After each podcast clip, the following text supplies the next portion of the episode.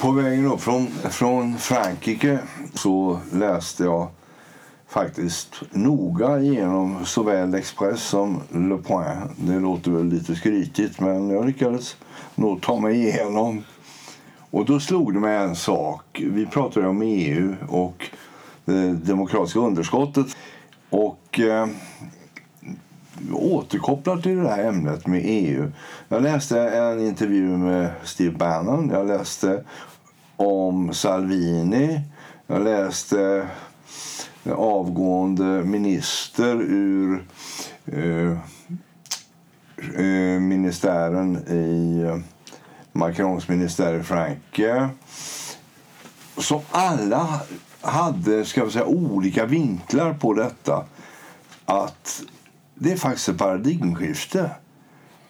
Eliten inte bara underskattar folket och folkets eh, synpunkter och behov. De är totalt oinformerade om det. Och den här populistiska nationalismen som går som en våg över hela världen den har mycket ska säga, djupare rötter än det som vi liberaler då och då har, har sammanfattat det som att, att ja, folk är väl irriterade och, oinformerade.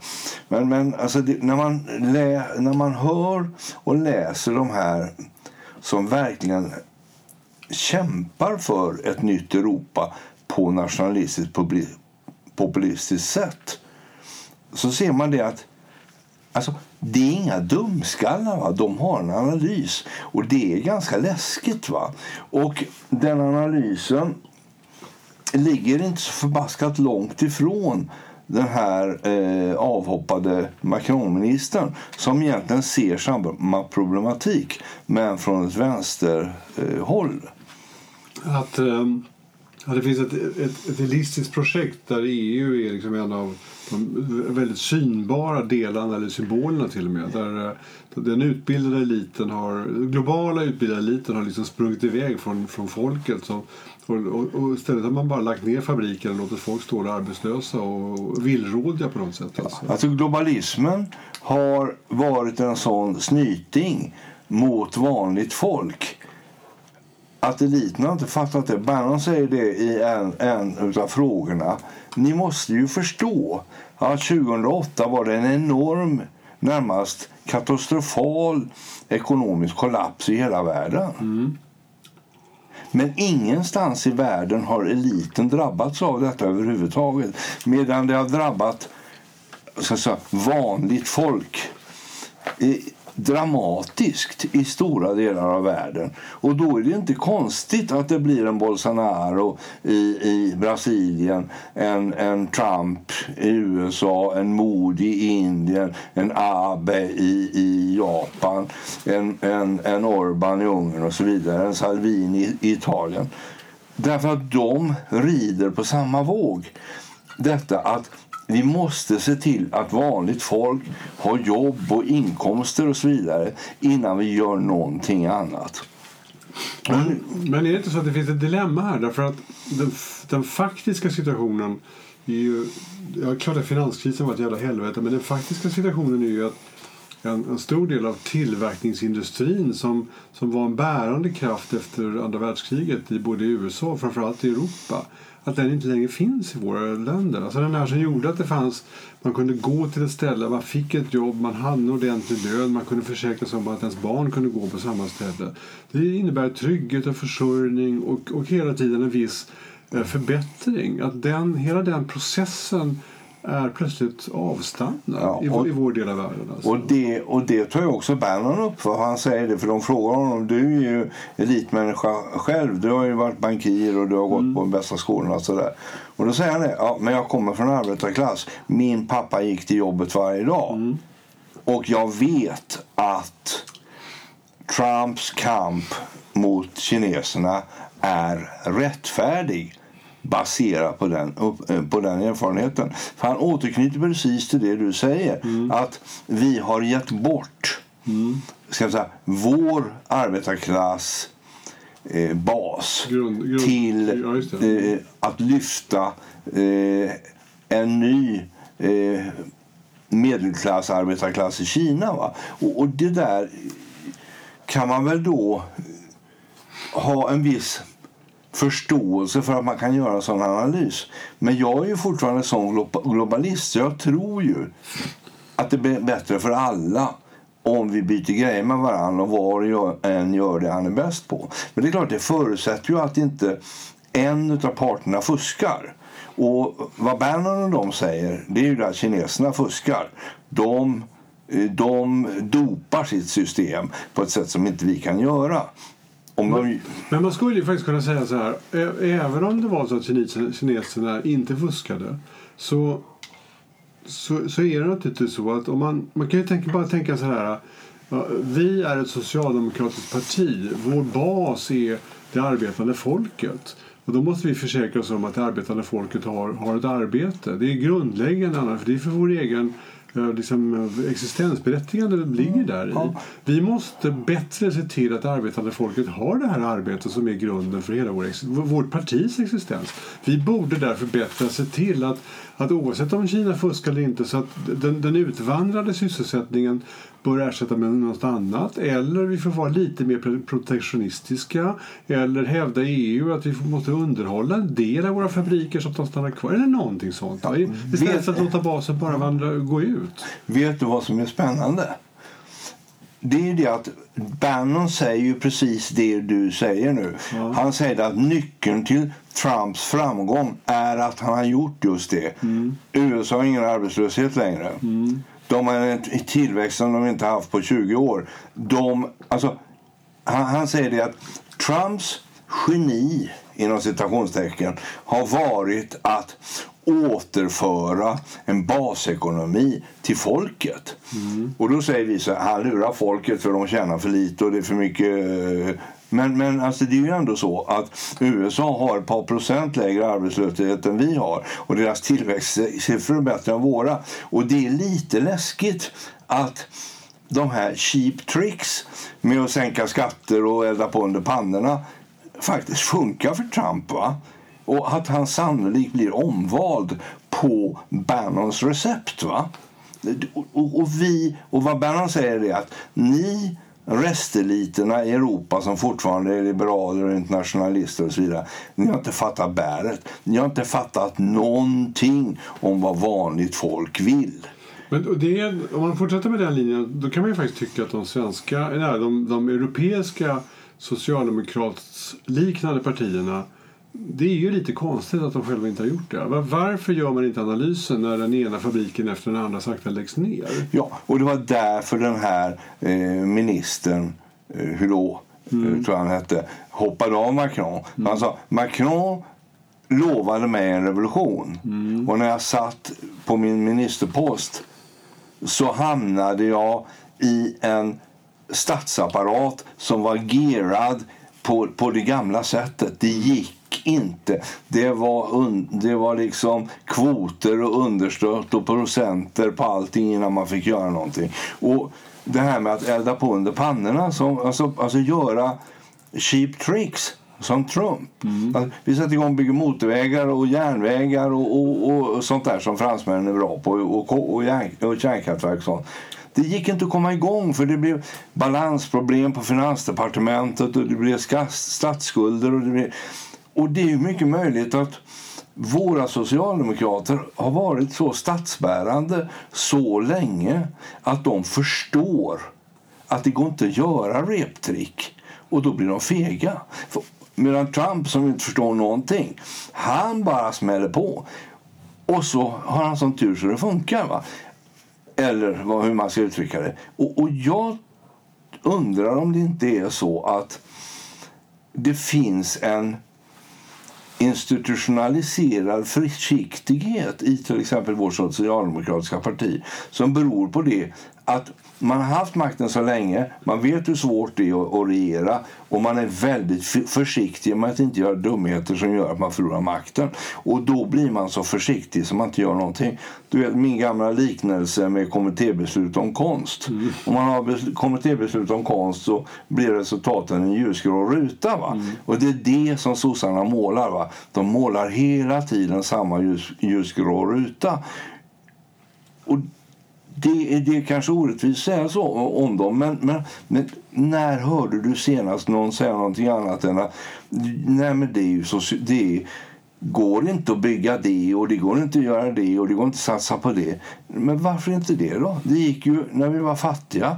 Då kunde man bygga stenskolor i varje stad. Mm. Varje stad fick tre folkskolor, ett läroverk, allting i tegel.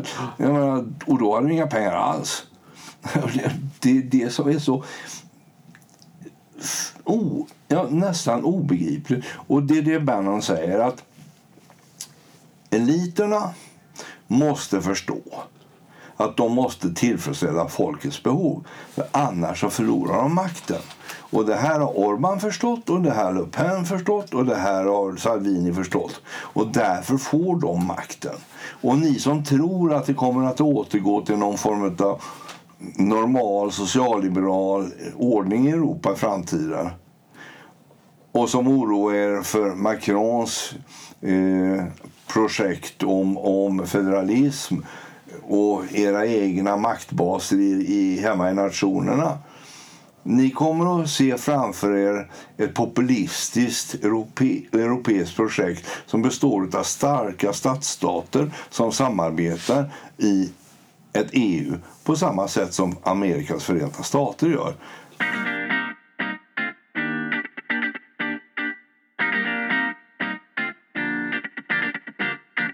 Men det, det, finns några saker som jag undrar över. Alltså, så långt, om man tänker på den här analysen att det finns en elit som inte har förstått liksom, de här processerna som gör att det finns en, ska man kalla det för, en arbetarklassens trygghet i, i ett växande västvärld efter andra världskriget.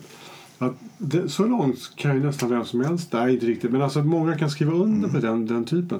Då är frågan, de som idag framhärdar det här hårdast, varför är det i samma rörelse sådana saker som ingen ekonomisk hållning överhuvudtaget. Alltså Trump han gör ju livsfarliga saker med den amerikanska statsbudgeten får man ändå säga. Redan, en redan skuldtyngd stat som han, låter, som han, som han tillåter låna mer pengar.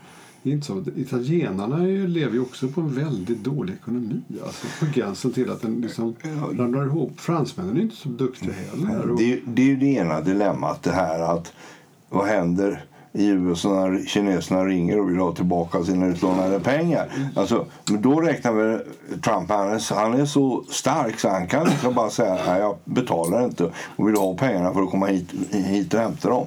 Och det kan du inte. Eller någonting annat. Men, det, det finns en annan oro som jag ser i detta. Och det är undertexten hos alla dessa populister. Va? Därför den här yttexten som vi har pratat om. Mm.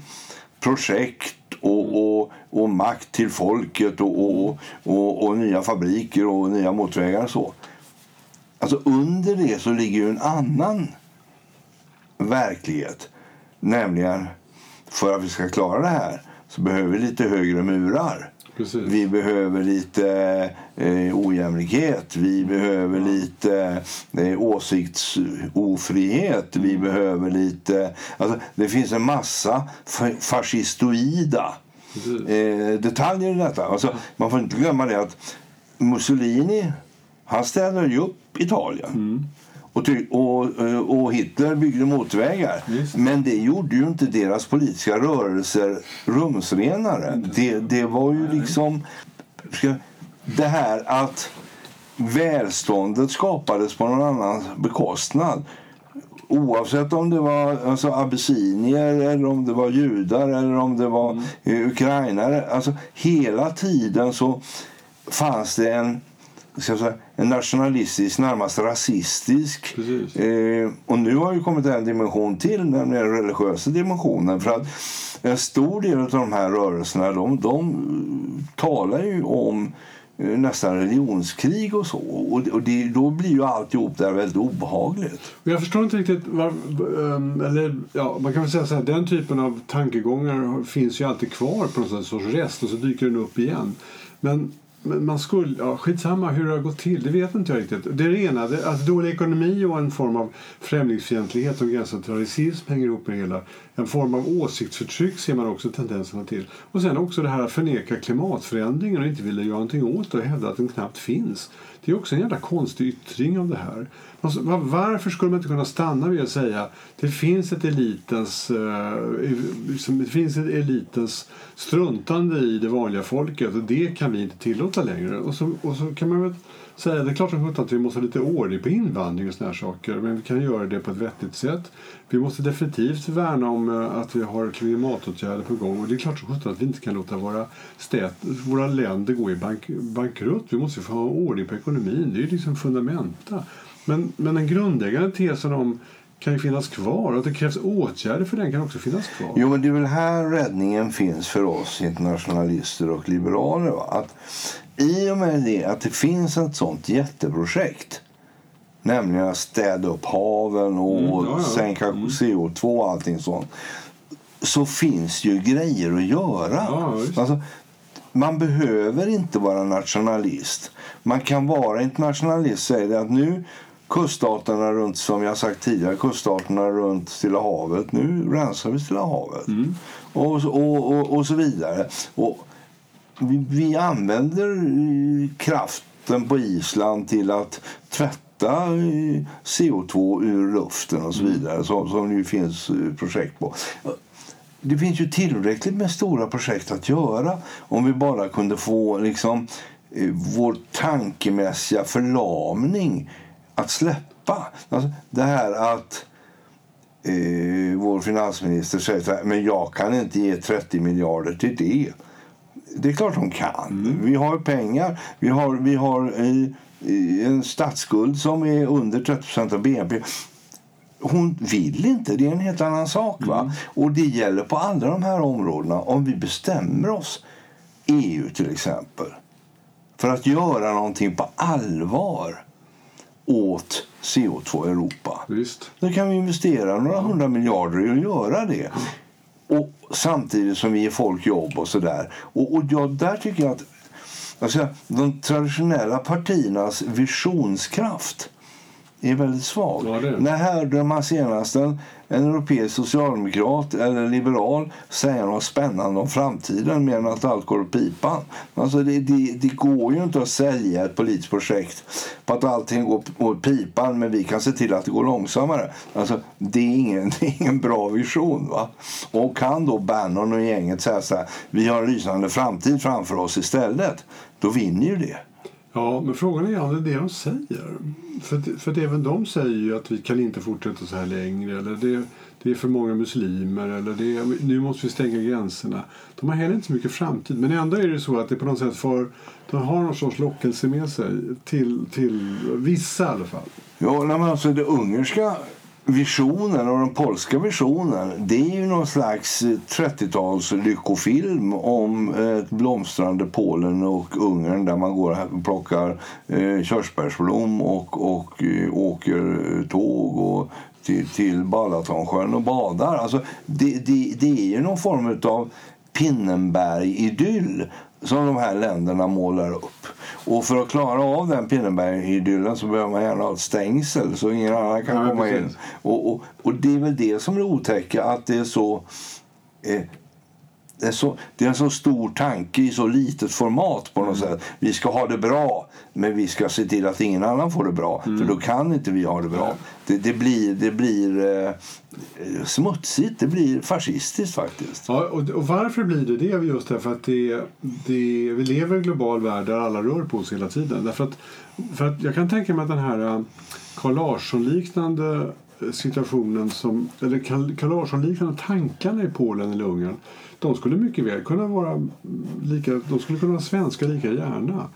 Och, och det skulle man kunna ha. Carl Larsson, liksom, det finns ju Carl Larsson och många andra konstnärer som, som uttrycker det i sina texter eller sina bilder på något sätt. Och det finns ett, ett, ett folkligt gehör för den tanken. Det Problemet är bara att om väldigt många människor vill dela den med oss, sådana som inte alls tänkt att de ska komma hit och dela den med oss, då krånglar det till sig. Ja. Nej, men det är väl det som Jimmy Åkesson signalerar när han går till riksdagens öppnande i folkdräkt. Det, är liksom någon form av... Och, och, där måste vi ha en vision som säger det, som är inkluderande ja. och som visar att vi kan vara många. Problemet är ju att vi rusar ju i olika riktningar med sån fart så vi nästan förstör våra visioner. Va? Alltså, hade vi haft en ordnad invandring, inskolning, integrering, utbildning eller vad man nu ska kalla det va? och från 2015 och framåt så kanske det här hade varit mycket, mycket... Alltså, om vi hade... Som jag brukar säga, om vi nu har bjudit in 500 000, 800 000 människor mm i vårt hus då får vi se till att ta hand om dem. Mm, och inte bara ta hand om dem så de får sovplats och mat utan även så de får en framtid. Mm. Och det är ju det som vi har missat. Vi, vi har nödtorftigt sett till att maten har stått på bordet och att mm. taket har funnits över huvudet. Ja. Men vi har inte sett till att de får en framtidsvision. Och vad gör de då? Jo, de mest initiativkraftiga de åker ju till Wisconsin. Mm. Där, har de en jättelivaktig somalisk eh, grupp till exempel. Och, och, det tycker jag är tråkigt. Varför kan inte vi mm. ha lika eh, eh, bra framtid för somalier som Wisconsin har? Mm. Det, det, är ju bara en fattigdomsbevis. Nej, men det är riktigt alltså. Jag satt och tänkte på jag kan inte låta bli när vi sitter och pratar om det här och fundera på en annan sak som handlar om den mänskliga, den mänskliga själen eller psyket. Då och då så hör man historier från Östeuropa eller till och med från, det, från nuvarande Ryssland. Då hör man röster, jag tror inte de är så representativa, men de finns där ändå. Det var bättre förr. Jaha, tänker man så här, jaha, det, var, det var bättre att bo i Östtyskland när det var Östtyskland än när det plötsligt är en del av Tyskland. Och vi kan åka var vi vill. Det var bättre i Ryssland förr i världen när, när det var Sovjetunionen. Och man, hade, man, man gick till det här gigantiska smutsiga kolkraftverket eller, eller järnverket. Nu är det lite osäkert allting. Man vet inte riktigt vad man gör och vad man ska göra. Och det är till och med så att farfar inte har jobb längre. Och det här saker. Alltså, då tänker man så här, hur ser, hur ser den själsliga processen ut bakom att tycka en sån sak? Jo, gissar jag, att att, att leva på en mycket låg och påver nivå tycker vi, där man får dela lägenhet med folk, man kan inte ha bil, man har ingen tv heller. Och massa sådana saker som de själva lider av. Det finns knappt dasspapper i, i, i, i livsmedelsbutiken och sådana saker. Det, det är uthärdligt om, man ändå, om det ändå finns någon sorts grundläggande trygghet. Det finns en fabrik, det finns ett arbete, visserligen med dålig lön. Och visserligen finns det ingen yttrandefrihet men, men man, man, kan ju säga saker till sina närmaste på kaféet. Och en pilsner kostar ungefär en krona och såna här saker. Det finns liksom ett grundläggande um, det finns ett grundläggande behovsfyllande på något sätt. Va? Och, då, och, så, och i det så finns det också uh, och det räcker på något sätt. Och framförallt så är det rätt stabilt. Det, det är samma det är samma brist på tv och bil idag som de närmaste 10-20 åren ser det ut så. Det händer nästan ingenting. Så att fördelar blir trygghet, likadant, eh, inga snabba kast. Eh, jag vet vad som finns. Det är många sådana saker. Du har knäckt, du har knäckt en, en, en, en viktig sak med detta. Va? För precis samma människor som dras till Trump och Bannon och, och Salvini. Det är ju de som uthärdade med viss eh, den här tryggheten som fanns i öst. Va? Mm. Alltså, de här basbehoven på Maslows behovstrappa, mm. alltså mat, värme, tak över huvudet, någonstans att gå och jobba det tillfredsställdes i det totalitära systemet i Östeuropa. Och det är klart, om jag var nöjd med att mitt liv gick ut på att gå fram och tillbaka till Slovnaft mm. och så ta en rom på, på morgonen i teet innan jag tog eh. Mm. Då, då hade du naturligtvis ett uthärdat, uthärdigt liv. Medan däremot mina kamrater på, på universitetet i Bratislava som hade ambitioner och ville göra något och fria, de hade ju bara två val. Mm. Bli nomenklatura polis, militär eller politiker. Eller håll tyst va? och försök att fly. Men att förverkliga dig själv på det sätt som vi tycker är rimligt, det fanns ju inte på kartan. Mm. Men var man då en själ som satte trygghet över alla andra mm. ska jag säga, önskningar mm. då var det naturligtvis tryggare att bo i Östberlin än i Västberlin. Va? För i Västberlin kunde du faktiskt svälta. Du bli av med jobbet. Och bli av med jobbet. Alltså. Men Östberlin fick du inte det. Då satte de in dig. Mm. Och tvångsarbete, sjukhus eller, eller förvar. Alltså, det gick ju med arbetslösa i Östtyskland.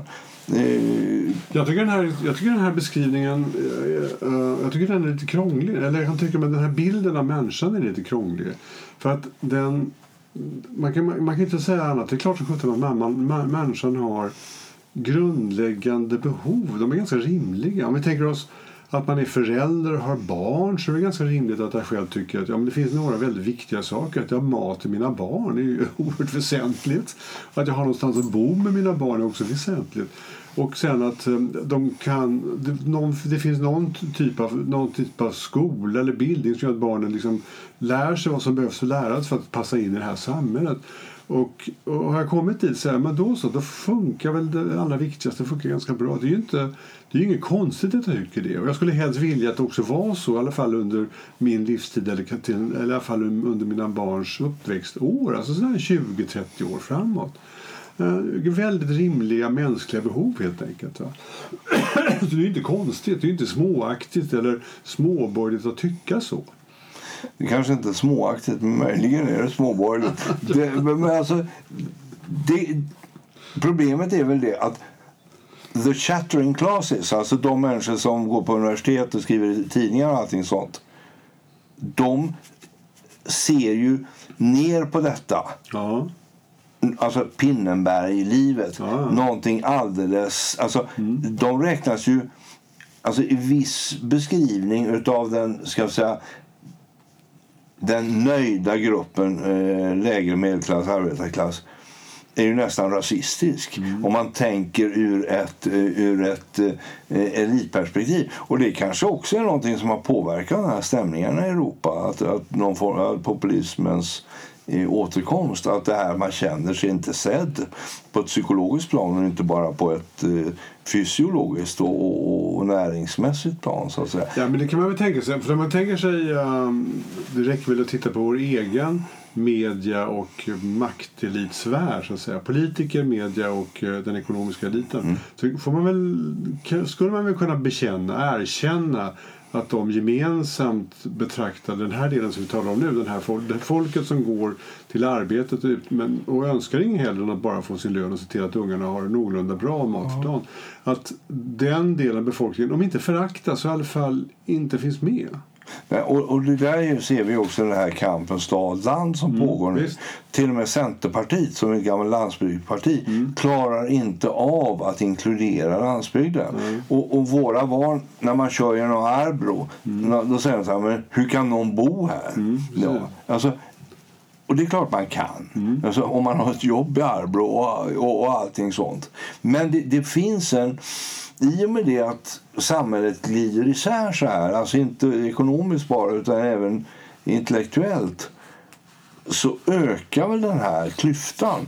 Stad, land, elit, eh, eh folk, eh, arbetande folk, icke-arbetande folk sådana som är inne i huset och sådana som är utanför huset. Alltså, alla de här sprickorna i fasaden vidgas och därmed blir det ett rotigare samhälle helt enkelt. Det, det, är naturligtvis så. Och när man har tänkt så långt så kan inte jag låta bli att undra vad var det som höll ihop det tidigare? Därför att om, man tänker så, om vi tänker tillbaka på Västeuropa och vårt eget land sådär hundra år mm. så måste ju klyftorna av, av, den här typen som vi pratar om nu de måste ju varit överväldigande. Man tänker på hur, hur om, man, om man ser svenska, den Stock, om man bara tittar på Stockholm, den, den stockholmska stenstaden, alltså mm. i princip de här, de vackra delarna av Stockholms innerstad. Där bodde det människor. Om vi tänker oss, var bodde de andra? De delarna finns ju inte längre. De syns ju inte längre. De är ju för länge sedan rivna. Det finns något, någon kåk kvar på Söder. Ja. Alltså, det är väl allt. Men skillnaden måste ha varit enorm. Och ändå lyckas man... Det, fanns, det fanns politiska omvändningar som gjorde att Socialdemokratiska partiet förr eller senare fick makten.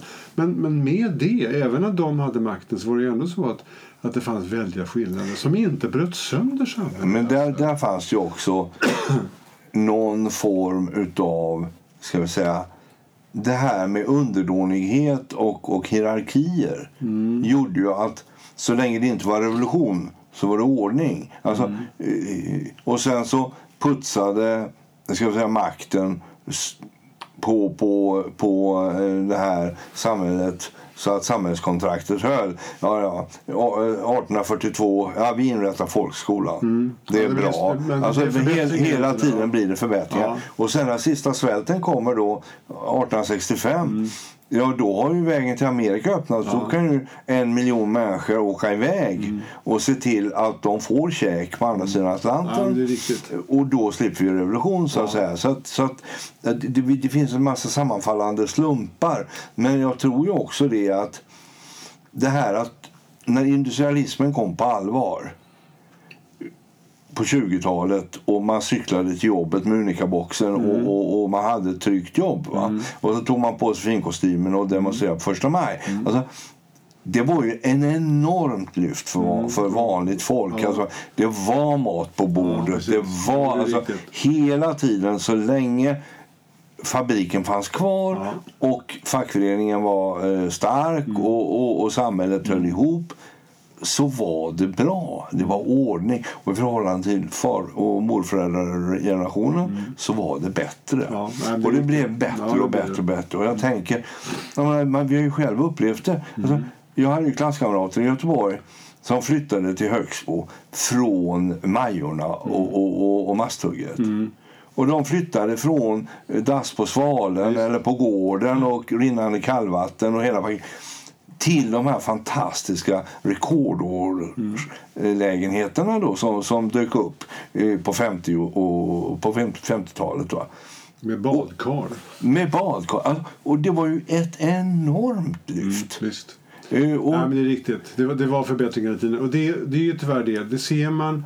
Om man då tänker sig tillbaka. Om man tittar på dagens situation så är det klart. Bor man på landsbygden så, så är det en sorts nedmontering runt omkring. Det är verkligen. Det kan ju göra vem som helst deprimerad. Alltså. Och det har vi ju sagt förr i någon tidigare podd att där sviker ju staten. Va? Ja, och där tycker jag att Norge är bättre. Ja, det är Alltså, Norge vinnlägger sig om, nu är de så rika så de har råd säger svenskar, men de vinnlägger sig om att det ska vara ljuspunkter Mm. överallt Norge när man flyger på natten.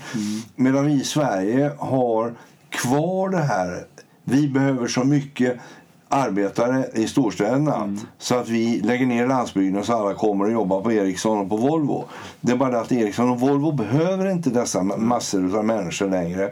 Utan det vore bättre om vi såg till och tog vårt regionala ansvar och hade kvar systembolag, arbetsförmedling, eh, skattekontor, socialbyrå, eh, närakut och hela paketet i landet. För det är ju faktiskt ganska förfärligt när du kommer ut i landet. visst. alltså, kulturstäder som Vänersborg, Östersund och så vidare där det satt disputerade lektorer på läroverket och så vidare. Man kan knappt få dit en lärare. Alltså, staten har kapitulerat när det gäller ett av sina viktigaste ansvar. Och vad hade det kostat att ha en arbetsförmedling, och ett systembolag och, och ett socialkontor i, i ett hus mitt på torget i Säter eller i, det kanske finns det, men alltså eller Vilhelmina eller vad det nu kan vara, alltså, eller Arbro. Alltså, för vi, vi har liksom låtit någon form av effektivitetstänkande göra att nu är vi så effektiva så vi kan inte ens söka stöd från EU för att, för att få pengar till, till invandringen. Det läste jag i DN i morse. Jag vet, vi, har inte använt, vi har inte använt tillräckligt. alltså, det, det är ju rätt intressant med, med det här. Och jag förstår inte vad i politiken är det som gör att man inte kan ha visionen. Att ja, det får väl kosta några kronor då, men vi betalar det genom att vi låter dem vara vägg i vägg med posten och systemet. För systemet kan bära hyran. Alltså, Nej, men vi kanske måste säga det då som, som uh, sorts summering. Det är faktiskt... Alltså, även hemska högerpopulister kan ha lite rätt. Den, den, de makthavar, makthavarna i våra länder har faktiskt glömt bort en, till en del att se till att eh, de värnar om hela nationen och hela folket. ja, övertexten är okej. Problemet är undertexten Absolut. som vi inte kan leva med. Helt omöjligt.